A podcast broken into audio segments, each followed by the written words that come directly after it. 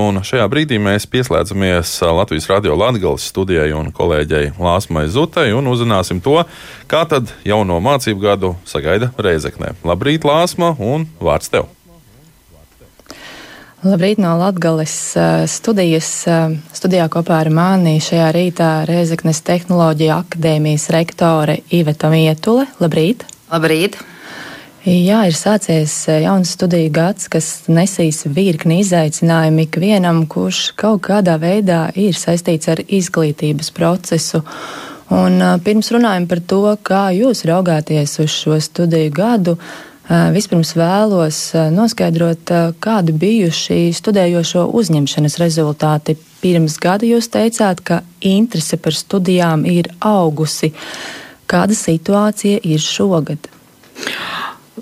Ņemot vērā kopējo tendenciju pēdējos piecus gadus, varbūt nekas būtiski nav mainījies. Šogad vienīgi laikam mazāk ārvalstu studentu, bet tāpat ir. Savukārt, ja runājam par programmām, tad, tad joprojām ir interese un liels konkurss uz biznesa vadību, uz tiesību zinātnēm, uz interjera dizainu un tīpaši sociālo darbu un sociālo rehabilitāciju. Bet, protams, ir interese arī par STEM jomas programmām. Turklāt jāatzīmē, ka uz šīm STEM jomas, jeb inženierzinātņu programmām nāk ļoti mērķtiecīgi. Ja sociālās zinātnēs varbūt sākotnēji izvēlas vairākas programmas, tad, tad uz inženierzinātnēm ir mērķtiecīgāk. Un arī noteikti pedagoģijas programmas šogad ir bijušas populāras, ņemot vērā šo jauno pieeju skolotāju izglītošanā un arī programmu saturu. Cik daudz esat uzņēmuši studentus, un vai šis skaits ir tāds pats kā citus gadus? Šogad ir apmēram tikpat. Ar pirmo, pirmā kursā ir uzņemti vairāk kā 300 studenti, bet, kā jau teicu, ir mazāk ārvalstu studentu. Bet vienalga ir, turklāt mums šogad atbrauc arī uh, diezgan liels skaits ar 20 Erasmus studenti, tāpēc uh, starptautiskā studiju vide joprojām būs nodrošināta. Un cik daudz ir šo te ārvalstu studentu un par cik ir samazinājies, ka jūs sakāt, ka ir mazāk? Uh, šobrīd ir 45 ārvalstu studenti un Erasmus studenti, kas, kas nav maksas studenti, kas ir Erasmus līguma ietveros uh, vēl apmēram 20. Mēs šogad neesam uzņēmuši divās kopīgajās studiju programmās, viņās uzņems nākamgad tikai. Mm, bet ir jāatzīmē tas būs ļoti pozitīvi, ka tie ārzemju studenti, kuri šeit absolvē bakalaura studiju programmas, turpina studēt arī maģistra studiju programmā, jo šo vidi Latvijas vidi kopumā viņi novērtē arī diezgan drošu un, un viņus apmierina arī studiju kvalitāte. Par eh, studijām, lai tās varētu notikt klātienē, jāsaka, ir zināmas prasības, kas ir jāievēro. Eh, studijas var apmeklēt klātienē tikai ar derīgu Covid-19 pārslimošanas, vakcinācijas vai testēšanas certifikātu, kā studijas notiks Reizeknas Tehnoloģiju akadēmijā klātienē attālināti. Līdz 10. oktobrim mums ļauj izmantot šo daļēji drošo režīmu. Tas nozīmē, ka nodarbības notiks uh, daļa klātienē, ļoti liela daļa klātienē notiks, bet tāpat laikā uh, lielas grupas, kur ir cilvēku skaits virs 30, virs 50, kā arī te, kad šie studenti ir no dažādiem reģioniem, mēs izmantosim arī attālināto formu, tas ir lekcijas būs attālināti, bet mēs esam raduši arī risinājumu un pavasarī vasaru aprīkojuši auditorijas ar iespēju, ka notiek klātienē lekcijas, un tāpat laikā arī attālināti var pievienoties šai lekcijai. Mēs tiešām esam ieguldījuši laiku un darbu, lai varētu to nodrošināt. Jo mēs arī nezinām, kā tomēr tā situācija attīstīsies novembrī un decembrī, bet mums ir programmas, kurām ir svarīgs šis klātienes efekts gan inženierzinātnes, gan dizaina studiju programmas, bet arī pārējās praktiskās nodarbības tomēr, tomēr prasās klātienē. Jā, šobrīd dodu vārdu Uģim. Uh, jā, labrīt. Es gribēju uzdot jautājumu tieši par šo mācību procesu. Kāds tas bija pagājušajā gadā, pandēmijas laikā? Uh, jūs jau minējāt, ka daudzos priekšmetos ir nepieciešami klātienes, uh, klātienes līdzdalība no studentiem. Vai jūsuprāt, šī gada laikā mācību process ir cietis vai tieši pretēji iegūs no tā visa? Ja mēs runājam kopumā, tad, manuprāt, būtiskākais no pagājušā gada ir šīs digitālo prasmju apguve. arī studentiem, jo mēs tiešām, nu, digitālā jomā mēs esam auguši. Manuprāt, šis gads ir tāds gads, kad ir, ir jādara viss, lai mēs esam klātienē un, un varam sadarboties. Bet pagājušā gadā bija, manuprāt, ļoti pozitīvi tas, ka septembrī, oktobrī mēs bijām visi pilnībā klātienē. Tīpaši svarīgi tas bija pirmām kursam un arī apjaušot to, ka būs pēc tam nu, šīs te ārkārtas situācijā. Mēs arī diezgan daudz praktiskās nodarbības jau septembrī, oktobrī īstenojām. Pateikt, ka tas ļoti negatīvi ietekmē, es varbūt tik burt, burtiski negribētu. Kā jau es teicu, noteikti šim, šim, šai situācijai ir arī savi plusi, jo mēs ļoti labi zinām, ka Latvijas sabiedrībā kopumā šis mm, digitālās kompetences ir, ir eh, nedaudz zem vidējā līmeņa Eiropā. Tāpēc, eh, bet, bet noteikti mēs esam pilni cerību, ka šis gads uh, būs klātienē un ka mēs varēsim normāli strādāt. Cik liela daļa akadēmiskā personāla ir vakcinēti un kā ir ar studentiem? Un šobrīd mums ministrija sniedz informāciju par studentiem. Mēs gan arī paši apkopojām, bet studenti diezgan kūtri iesūta, jo tagad saņēmām ministrijas informāciju.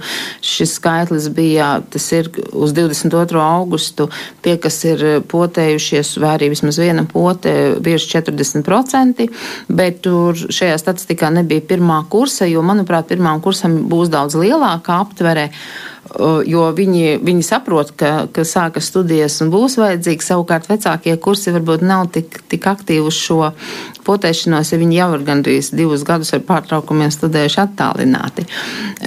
Bet savukārt attiecībā uz docētājiem šī aptver ir daudz lielāka, bet mēs arī šobrīd, lai risinātu to, kad vēl kaut kas grib diezgan ātri nopotēties un lai mēs 10. oktobrī esam gatavi pilnīgi drošam, drošam režīmam, tad mēs esam šodien aicinājuši arī uh, vakcinācijas uh, kabinetu pie sevis uz akadēmiju.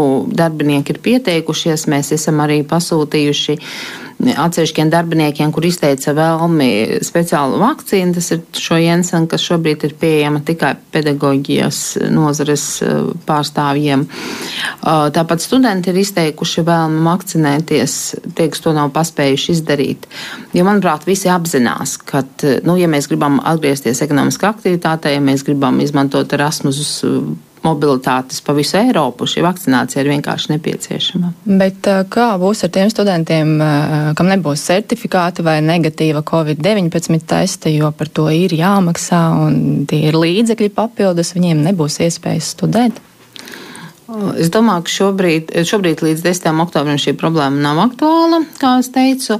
Savukārt pēc 10. oktobra mēs noteikti sagaidīsim valdības gala lēmumus, kas tad ir jādara. Uh, es, es šobrīd tiešām nevaru atbildēt šo jautājumu, jo tā noteikti būs visu Latvijas augstskolu problēma un kaut kādu jau kopīgu risinājumu meklēsim. Vai paredzat to, ka lekcijas var notikt uh, daļai klātienē, daļai attālināti paralēli? Um, noteikti, ka dažās studiju programmās tas varētu tā būt, bet uh, jau pavasarī valdība bija ministrija, izglītības zinātnes ministrija bija aktualizējusi to, cik lielā apmērā var attālināt īsteno studiju procesu. Un šobrīd sarunās ar ministriju ir noskaidrots, ka nu, līdz gada beigām tiks apstiprināts, cik daudz mēs varam attālināt īstenot šo studiju kursus.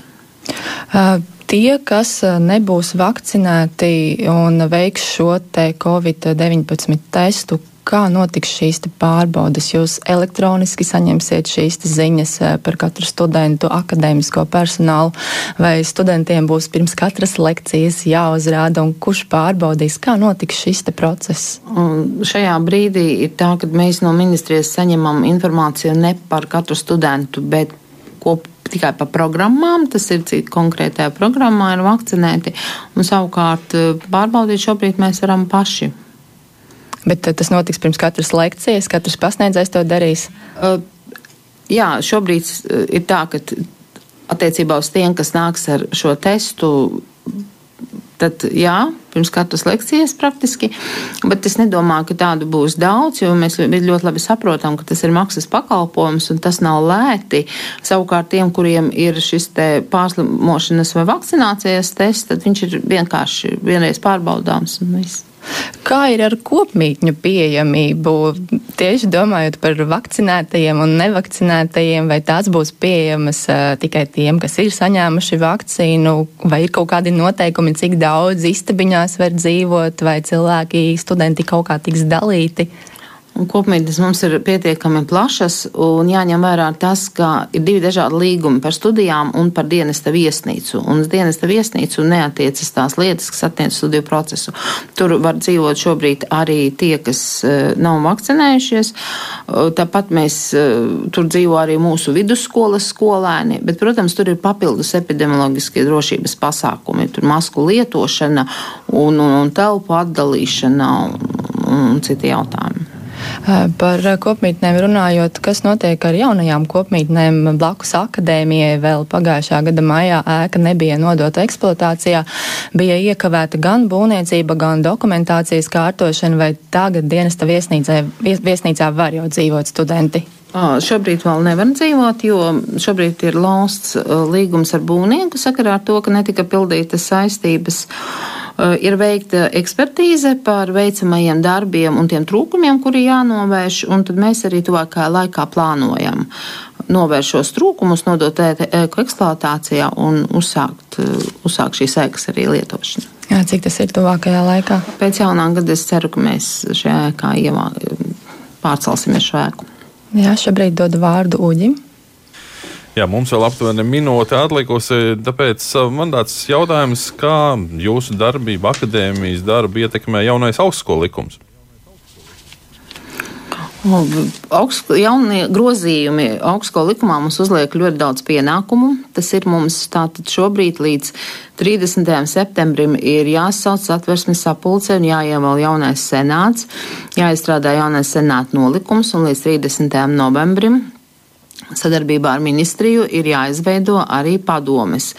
Mums būs pieci locekļi padomē, kurām jau ir iezīmēts finansējums no attiecīgajā projekta. Un no 1. decembra šīs padomes sāk strādāt. Protams, mums tas uzliek ļoti daudz pienākumu, jo pēc padomē mums ir jāizstrādā atkal jaunā stratēģija, jādomā, kā mēs turpmāk attīstīsimies ņemot vērā to, ka jau šī Covid situācija, protams, uzliek papildus darbus, jā, tad arī šis augstskolu likums tikpat daudz uzliek. Un viņš arī, starp citu, prasa šo vakcinēto pietiekam aptveri, jo, piemēram, satversmes sapulcs mums jāsauc klātienē ar divām trešdaļām uh, dalībnieku vismaz, lai ievēlētu jauno senātu, bet mēs jau esam izvērtējuši, izskatās, ka mums arī nebūs problēmas to izdarīt. Tāds izaicinājumiem pilns studiju gads šis solās būt. Tieši tā. Paldies par sarunu, saku Ivetai Mietulai, Rēzeknes tehnoloģiju akadēmijas rektorei. Tagad no Rēzeknes atgriežamies Rīgā.